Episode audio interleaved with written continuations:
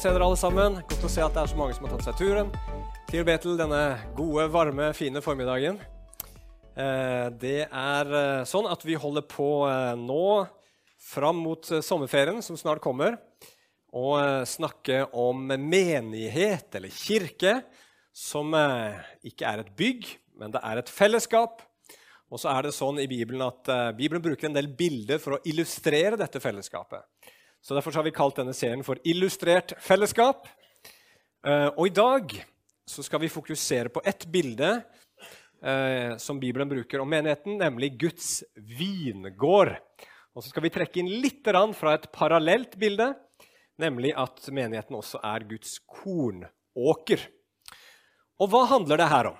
Jo, det her handler om et problem som jeg tror alle mennesker, eller vet alle mennesker har, og en frykt som jeg også tror de aller fleste mennesker har. Og problemet det er at du og jeg vi er ikke sånn som vi vet vi burde være.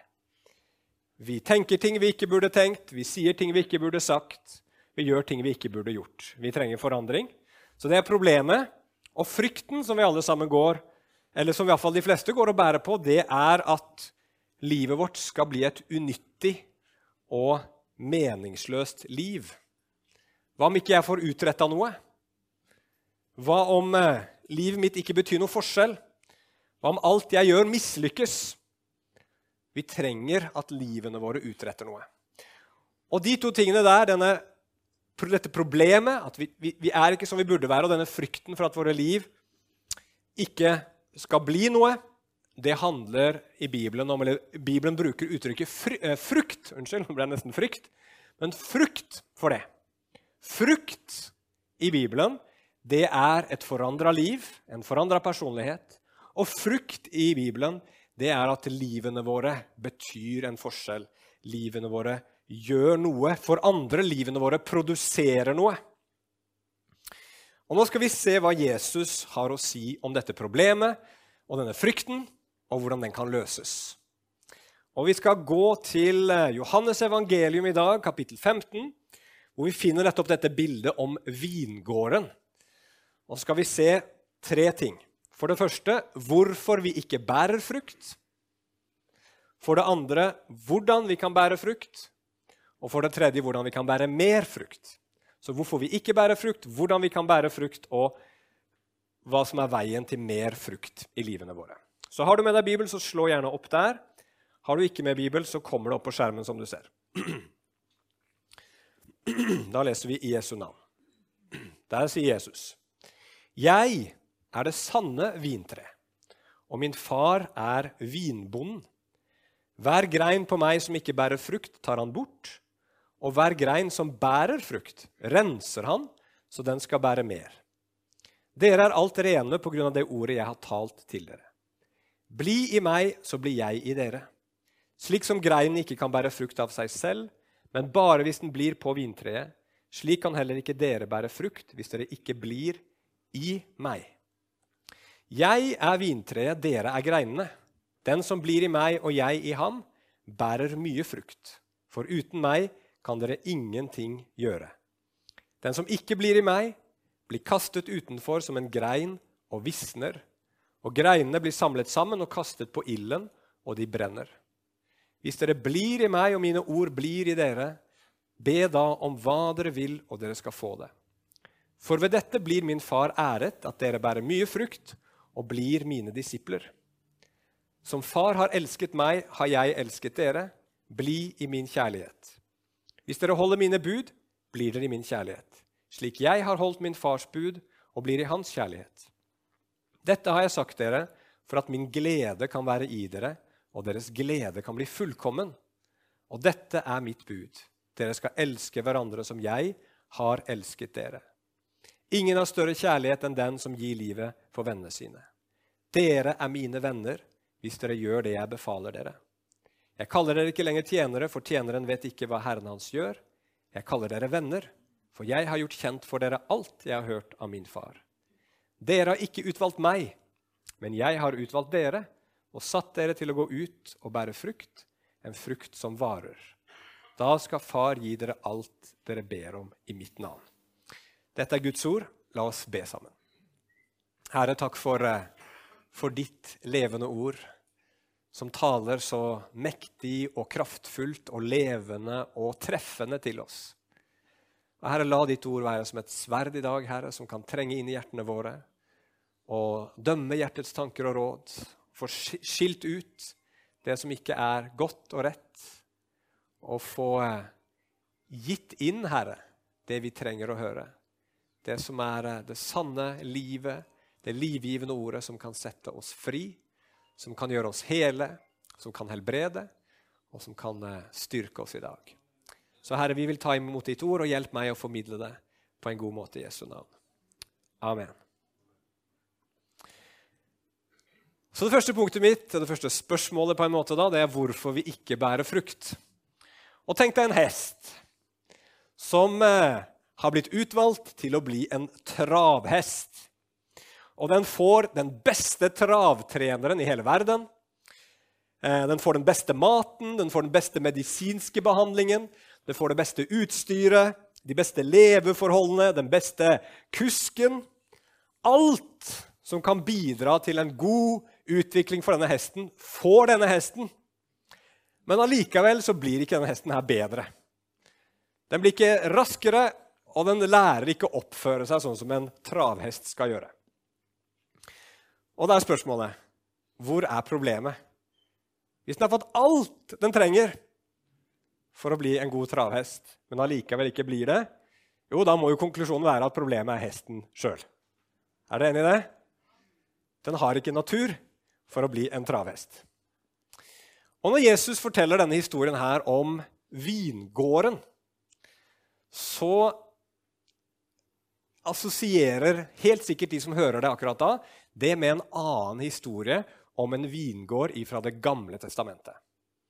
Den finner du i Jesaja kapittel 5 hvis du har lyst til å lese den når du kommer hjem. Og Der er det sånn at Profeten Jesaja han snakker om en vingård. En sang om en vingård er det faktisk. Og Han forteller om den vingården til israelsfolket. Og så sier han en historie som ligner på den jeg nettopp fortalte, nemlig om en, en vingård som en mann anla på en plass hvor det var fantastisk god jord. Han bearbeida jorda så den skulle bli god.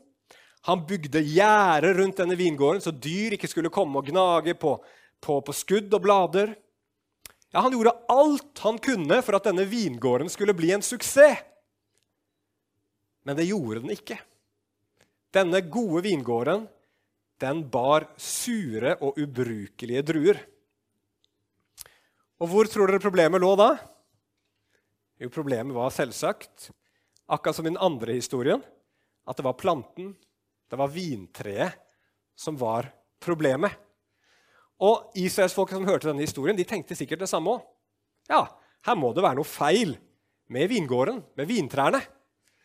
Og så sier Jesaja til Israels folk, dere er vingården. Dere er vintreet. For Gud, han er vinbonden. Og han har gitt dere alt dere trenger. Han har gitt dere velsignelse, han har gitt dere all hjelp, han har gitt dere alle muligheter. Men alt han har fått tilbake fra dere, er ondskap og urett. Hva var det Jesaja gjorde her for noe? Jo, han lurte israelittene til å se seg selv utenfra. Og det er en lur ting å gjøre noen ganger. For hvordan er det når du blir kritisert? Det er sikkert ingen som kritiserer deg, men det hender av og til med meg. Hva, hva skjer med oss med en gang noen kommer og kritiserer oss? for et eller annet? Jo, Vi får jo piggene ute med en gang. Vi havner i full forsvarsmodus. Ja, men du forstår ikke situasjonen. Det var ikke sånn som du påstår at det var. Han begynte, eller hun begynte. Jeg hadde ikke noe valg. Det er ikke så ille som du tror. Og en favoritt Ja, tror du at du er noe bedre, da? Det høres kjent ut, tror jeg, for jeg hørte litt klukking her i salen. Men hvordan er det når andre kommer til oss og kritiserer andre? Reagerer vi på samme måten da? Blir vi sånn helt sånn superdefensive og skal forsvare de for enhver pris? Nei, da blir vi litt mer klarsynte. ikke sant? Da er vi litt mer i stand til å se og så kan det hende at den andre kritiserer litt feil, og, og, det kan vi si noe om. Men vi ser ganske tydelig at, at, det er et problem der når vi ser på andre. Og det her var jo det Jesus snakka om, at vi så lett ser flisen i vår brors øye, men bjelken i vårt eget. den er det ikke så lett å se. Så dette bildet om vingården og den historien om vingården det handler om at Gud vil prøve å vise oss hva vårt problem faktisk er. For ditt og mitt problem det er ikke først og fremst oppveksten vår. Det er ikke samfunnet rundt oss, det er ikke strukturen i samfunnet, det er ikke andres urett. Det er ikke ditt, det er ikke datt. Mitt dypeste problem, grunnen til at det kommer så mye dårlig ut av mitt liv, at ikke jeg er sånn som jeg burde være, er at det er noe feil med meg. Akkurat som Israel så er vi vintrær som ikke bærer den gode frukten som vi ble skapt til å bære. Og det er vi som er kilden til våre egne problemer. Og problemet er stammen du og jeg er kobla til. For vi har nemlig en stamfar. Og Vet du hvem din stamfar er, hvis du bare går langt nok tilbake? Jo, Da sier Bibelen at min stamfar han heter Adam. Og Han var den første som gjorde opp, opprør mot Gud, og som synda. Og siden den gang så har alle Abrahams etterkommere arva fra Abraham en negativ kraft, en dårlig natur, som gjør at vi produserer dårlig frukt. Og Bibelen har mange ord på den dårlige naturen. Syndenaturen, kjøttet eller kjødet, som det står i litt mer sånn gammel norsk. Det gamle mennesket, den gamle Adam osv. osv. Der har du hovedkilden til alle problemene i livet ditt. Var ikke det oppmuntrende godt å høre? Det er noe feil med deg. Det er noe feil med meg. Og det er det som gjør at vi har problemer i ekteskapene våre, i familiene våre, i nabolagene våre, i bygder og byer, og i land og i hele verden. Det kommer her inne fra. Og så har vi lest i teksten både det som står i Jesaja 5, og det vi nettopp leste, så advarer Gud. Og så sier han at denne fruktløsheten og denne dårlige frukten er så alvorlig, så destruktiv, så i opposisjon mot Gud og alt det gode som han har skapt, at Gud er nødt til å rydde opp. Verden kan ikke fortsette å være som den er, og så står det at Gud vil komme, og så vil han brenne opp alt som bærer dårlig frukt. Og Det kaller Bibelen for Guds dom, og den er der i hele Bibelen fra begynnelse til slutt. Du kommer ikke utenom det. Og der ligger et veldig stort alvor. Gud skal dømme fordi han er en god Gud. Men heldigvis så fins det håp.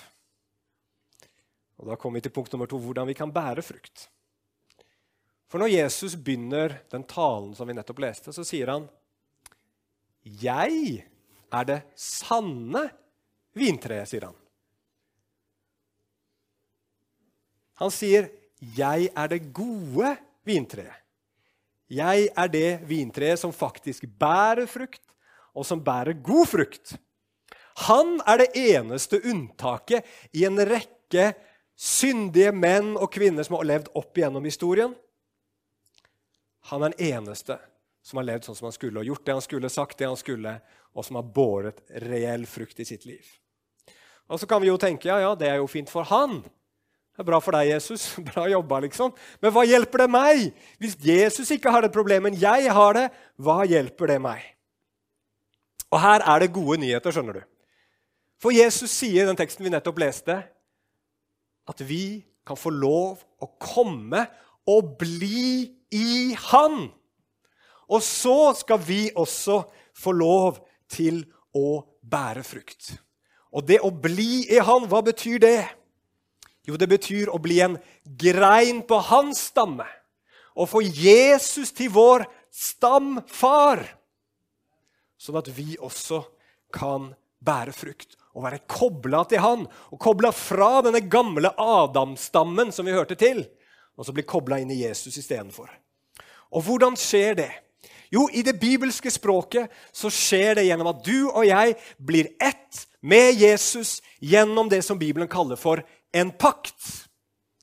En bindende avtale mellom oss og Jesus som gjør at du og Jesus, vi og Jesus, blir ett. Og Den beste sammenligninga der tenker jeg er ekteskap. Når du gifter deg med noen, så inngår du en kontrakt med den personen som gjør at dere på mange måter blir ett. Man får felles eiendom, Man får felles navn, man får felles bosted, man får felles økonomi osv. Og, så videre, og, og da blir det ofte sånn at veldig mange ting som er sant om mannen, er sant om kona, og det som er sant om kona, er sant om mannen. Så for eksempel, hvis mannen er rik, ja, da er kona også rik. Hvis kona er fattig, da er mannen også fattig. Hvis kona bor på Nærbø, så skal det normalt sett være sånn at mannen også bor på Nærbø. Ser dere? Og på samme måte er det med pakten som du og jeg er i når vi er i Kristus.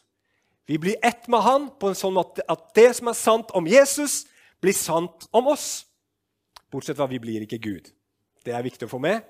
Men vi er altså i Kristus, og da er vi lik Kristus i den forstand at f.eks. For hvis Jesus Kristus står uskyldig framfor Gud, ja, så står jeg også uskyldig framfor Gud. Hvis Jesus Kristus er velsigna av Gud, ja, da er jeg også velsigna av Gud. Hvis Jesus er Guds barn, da er jeg også Guds barn. Hvis Jesus døde og sto opp igjen, da er jeg også død med ham og har stått opp til et nytt liv.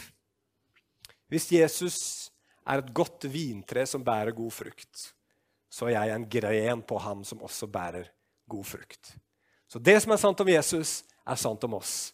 Det er en del av evangeliet. Vil du lese mer om det, så vil jeg anbefale deg å gå til Efeserbrevet, hvor uttrykket 'i Kristus', 'i Kristus', 'i Kristus' går igjen og igjen og forteller oss all den velsignelsen vi har fått i Kristus. Men så lenge du var en grein på Adams stamme, så hadde det ikke noe å si hvor mye innsats du gjorde. Du kunne prøve så godt du ville å bli et bedre menneske, men det nytta ikke fordi at du var kobla til en stamme som var død. Det var ikke noe sevje, det var ikke noe liv.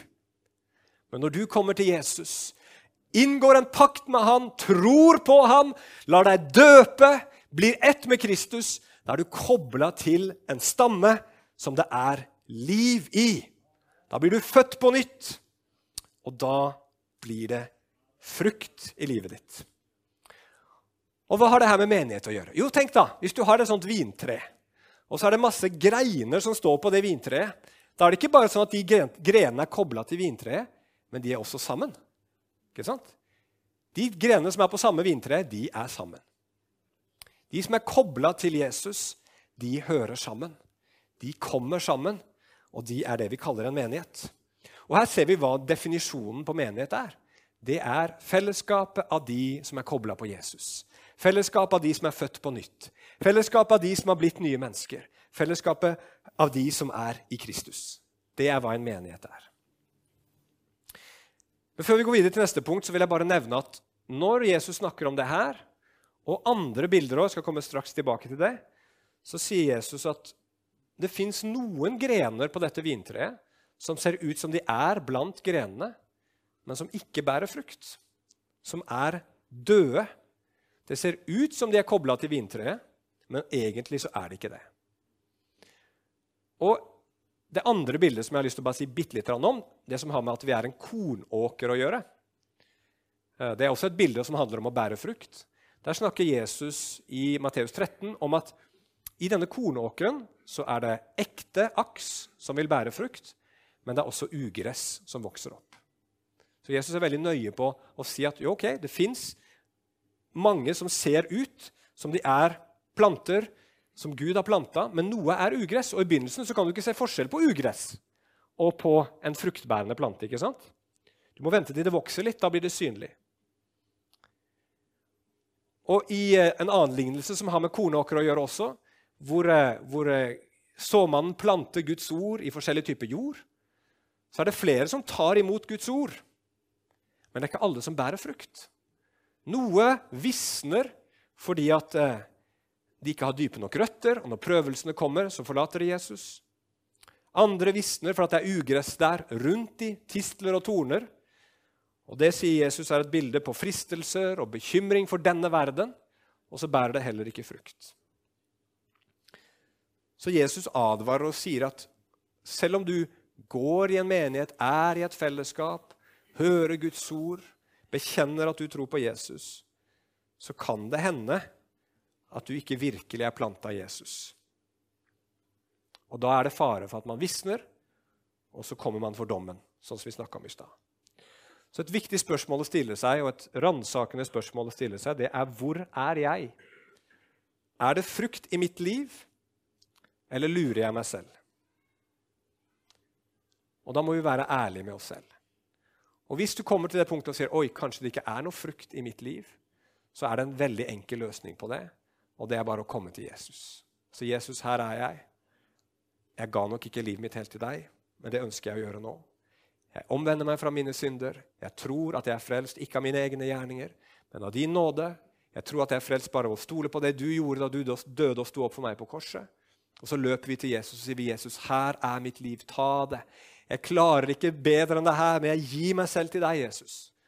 Så når du kommer fra et ekte og sant hjerte, så kan du være helt sikker på at Jesus tar imot. Og så blir det liv, og så blir det en ny fødsel. Men så kan det også være at du er en sann troende. Du er født på nytt, du har Guds liv i deg, men det er lite frukt. Du sitter fortsatt fast i gamle synder og uvaner og livet bærer ikke frukt så mye i form av gode gjerninger og det at vi leder andre til Jesus osv. Hvordan kan vi da begynne å virkelig bære frukt?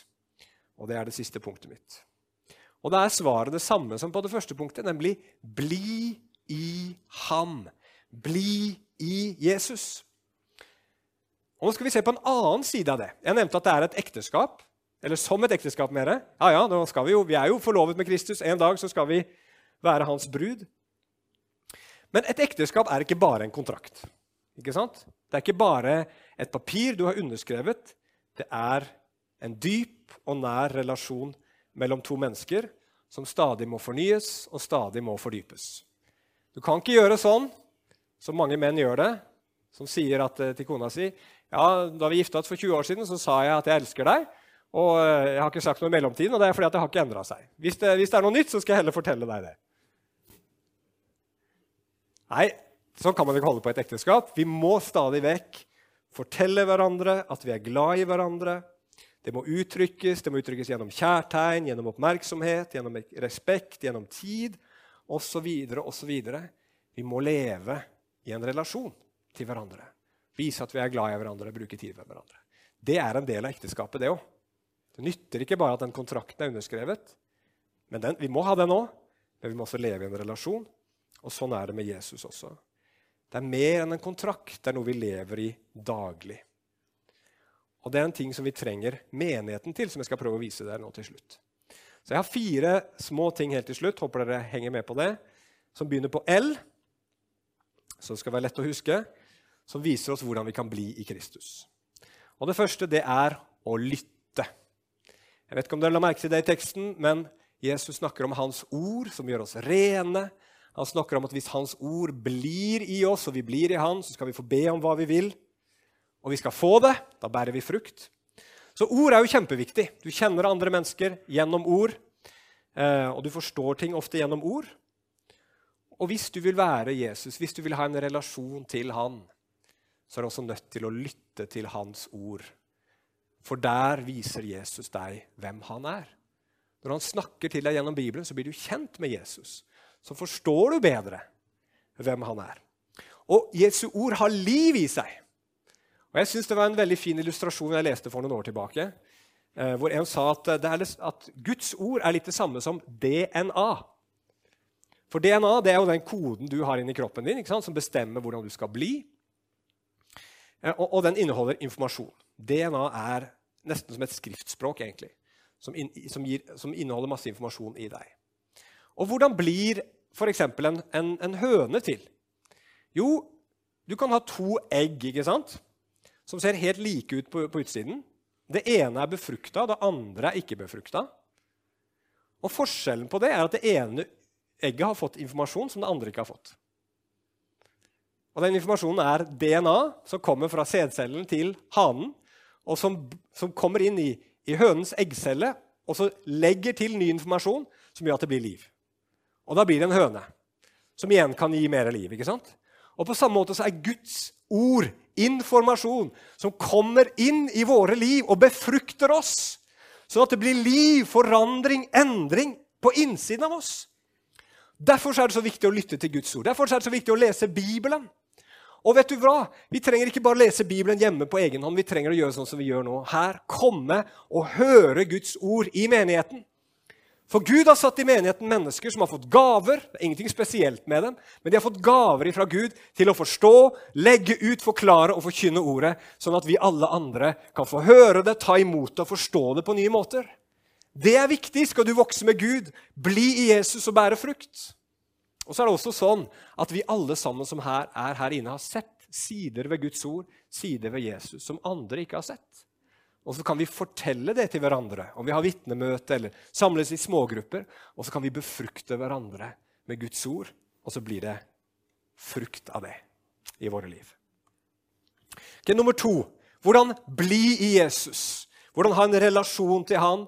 Jo, lovprise, tilbe.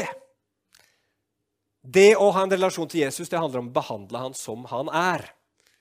Et barn er det viktig at du behandler sånn som det er. Du må behandle det som et barn i måten du prater på, i måten du, du, du, du tar vare på det, for å ha en god relasjon til det barnet.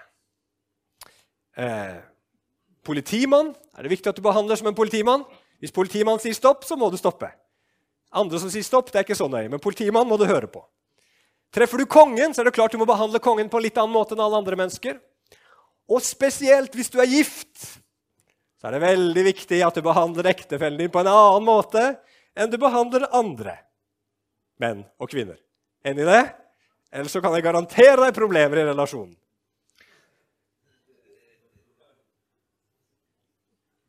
Og hvordan behandler vi Jesus riktig, da? Hvordan kan vi være i en god relasjon til ham? Jeg vet ikke om dere la merke til her at Jesus sa her at 'jeg kaller dere venner'. Det var utrolig fint over det at Jesus sier at vi er hans venner. Men så leste jeg en bok som sa men legg merke til Bibelen at det aldri står at Gud er vår venn. Det står at vi er hans venner, men han er ikke vår venn. Og Det betyr ikke at Gud ikke vil ha et vennskap med oss, men det er for å vise oss at Gud, selv om han er vår venn, så kan vi ikke behandle han som en som er på samme nivå som oss. For han er Gud. Jesus er Gud. Og En måte å behandle Jesus på som Gud, det er gjennom å tilbe Jesus. Det er å gjøre Jesus til den absolutt viktigste i livet ditt. Gjøre han til den mest verdifulle. Bare innse at det er han du trenger mest, og bare bestemme deg for at det er han du skal elske mest. Og Der også trenger vi menigheten. Menigheten gjør Jesus virkelig for oss. Det er mye lettere å konsentrere seg når vi kommer sammen med andre her. Vi merka sikkert det under covid, når det bare var filmer dere fikk, og du satt hjemme og skulle høre på meg. Sikkert mange som skrudde av midtveis. Bare innrøm det. Nei da, det er greit. Men, men, når dere sitter her, så, så, på en måte er du litt låst. Du kan ikke, det er ikke så lett å stikke av her som når du sitter hjemme. ikke sant? Kanskje litt dårlig eksempel, men i fall, det er lettere å konsentrere seg. Det er lettere å sitte gjennom talen og høre alt det Gud hadde tenkt du skulle høre i dag. Det er lettere å få tanker om Guds storhet og majestet når du hører andre prise Han rundt deg. Og jeg tror at Jesus blir mer levende og tydelig i fellesskapet. Jeg vet ikke om du har prøvd noen gang å bekjenne en skikkelig pinlig synd til et annet menneske. Noe du skikkelig var skamma deg over. Altså, Bibelen sier at vi skal bekjenne for Gud, eh, og det kan være vanskelig nok når du kjenner at du har gjort noe som du bare ah, det der var skikkelig ille, det var dumt. Så går du til Gud, og så, ah, så forteller du til Gud. Men hvis du gjør sånn som Bibelen sier, bekjenn syndene for hverandre, da er det viktig at du går til noen du stoler på. Nå skal du bekjenne denne samme synden til mennesker. Er det lettere eller er det vanskeligere da enn å gjøre det i sitt private bønneliv? Det er vanskeligere. Du, du, må prøve det for å vite det. Hvis ikke du har gjort det, så prøv. Og Med en gang du ser inn i øynene til en bror eller søster og skal bekjenne en synd, så er den personen skapt i Guds bilde. Og da ser du på en måte inn i Guds ansikt. Og da kommer liksom denne synden fram i lyset på en helt annen måte. Plutselig så begynner du å snuble i ordene dine, og du begynner å pynte litt på det, og du kjenner at oi, oi, oi, oi. Du begynner å skjønne hva det var du faktisk gjorde, for det kommer fram i Guds lys. Men så er det også fantastisk mye bedre når den andre personen får lov til å si på Guds vegne du er tilgitt. Din synd er tatt bort. Det er rensa. Du kan få lov å legge det bak deg, og så kan du strekke deg etter det som ligger foran. Da blir du også mye sterkere og mye mer levende enn når du bare liksom har en viss følelse at Gud har tilgitt deg i ditt personlige bønneliv. Og Alt det der forteller oss at Gud blir mer virkelig når vi kommer sammen. Hans kjærlighet, hans hellighet, hans kraft, alt det der, det gjør noe med oss. Okay, de to siste. Lyde. Det er ikke det mest populære ordet for tiden. Men Jesus han sier her hvis dere holder mine bud, så blir dere i min kjærlighet. Nå er det viktig å si at Guds kjærlighet den gir han til oss uavhengig av vår lydighet. Gud elska oss da vi ennå var syndere. Lenge før vi gjorde noen ting som var etter hans vilje, så elska han oss åpenbart til det på korset. Men når du blir en kristen og blir frelst, så kan du ved å lyde Jesus, ved å gjøre i tråd med hans ord, få å oppleve at du nærmer deg han. At du lærer han å kjenne bedre, at du får et mer fortrolig fellesskap med han, og han blir en større del av ditt liv. Og samtidig, hvis vi er ulydige mot han og bryter hans ord, så kommer vi lenger bort ifra han. Og det vil avgjøre frukten i livet ditt. Og det flotte det er med en menighet at det er et sted hvor vi kan hjelpe hverandre til å vokse i lydighet mot Jesus. Både fordi at her kan, kan vi si til hverandre alt som står i Bibelen, både det vi liker å høre, og det vi ikke liker å høre. Fordi at vi kan være eksempler for hverandre, og fordi også vi kan hjelpe hverandre til å holde det største av alle budene, nemlig det å elske hverandre. Er det lett å elske? Det er jo sånn som med forelskelse. Avstand er alltid mye bedre, alltid mye enklere. Ikke sant? Mye lettere å være, si at du er glad i et menneske du ikke kjenner så godt, og elske det mennesket. Men jo tettere du kommer på et menneske, jo mer av de negative sidene vil du oppleve. Og jo mer vil de negative sidene bli et problem for deg. Er det noen andre som har erfart det, så kan det nikke pent og forsiktig. Men det har i hvert fall jeg merka. Jo bedre du blir kjent, jo mer kjærlighet trenger du for å fortsette å være sammen med det mennesket. Og det har vi en mulighet til her. Når vi er i en menighet, så lærer vi å elske hverandre sånn som Jesus har elska oss. Og det er en lydighetshandling som vi vokser igjennom, og som gjør at det blir mer frukt i våre liv. Og det, det siste ordet på L er lide. Det siste jeg har lyst til å si litt om, er at når du kommer til Jesus og blir i han, så er det en vingårdsmann eller en vinbonde som heter Gud, Fader, som kommer for å beskjære oss. Og Jeg har lest meg litt opp på sånne vintrær. Og de har en formidabel vekst. De vokser utrolig raskt, for det er en slyngplante. Så hvis den får vokse som den vil, så skyter den fart. Vokser mange meter på en sommer. Den har en formidabel vekst.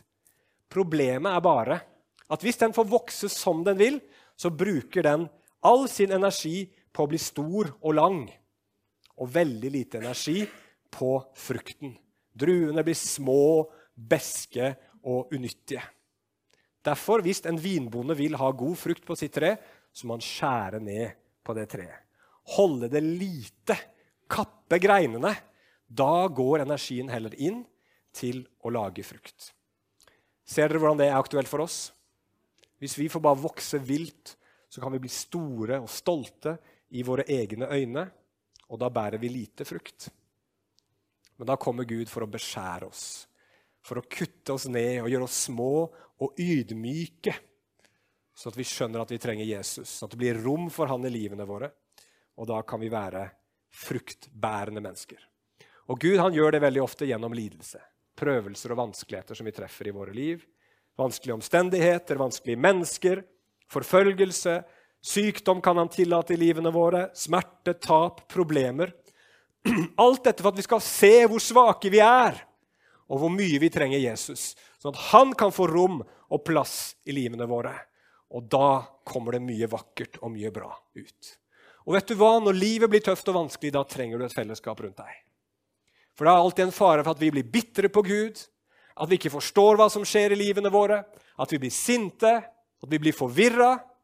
Men da er menigheten der for å hjelpe oss til å se at Gud er virksom i livene våre, og for å trøste og støtte oss og be for oss i de vanskelige periodene.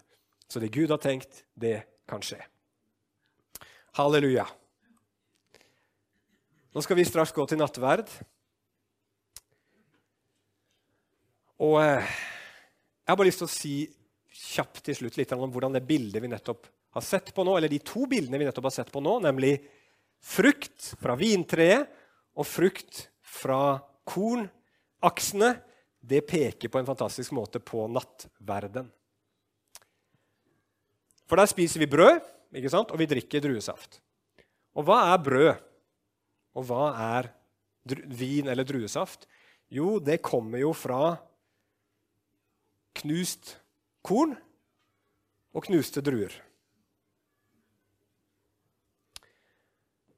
Og Bibelen forteller oss at Jesus han ble som en av oss. Og hans liv bar frukt. Det var gode druer på hans vintre, og det var gode aks på ham. Han bar, gode korn. Men så ble han knust. Hans liv ble knust. Kornet, druene, det ble knust alt sammen. Hvorfor det? Hvorfor ble hans, frukten av hans liv knust? Jo, for at på samme måte som når vi knuser korn og knuser druer for at vi skal få mat og drikke og kunne leve, så ble Jesus knust for vår skyld da han tok på seg vår skyld og vår synd og vår straff på korset for å kunne gi oss det sanne livet. Og Tenk på det når du tar nattverden. Når du tar brødet, så, så, så, kommer det fra et knust korn. Knuste korn som viser at dette kommer fra Jesus, som ble knust for meg, så jeg skulle få liv. Og Når du tar vinen som kommer fra knuste druer, så tenker du på at dette her kommer fra Jesus, som ble knust for meg, så jeg skulle få tilgivelse for mine synder. Og så er det også veldig vakkert å huske på at når vi tar nattverden sammen, så er det et paktsmåltid. Det er en kontrakt som Gud har inngått med oss for at vi skal kunne leve i en relasjon til Han. Og den står fast. Den er bygd på det Jesus har gjort, og du får lov til å ta imot. Så Jesus inviterer deg til det nå, til å være i fellesskap med Han gjennom nattverden og minnes det Han gjorde for oss.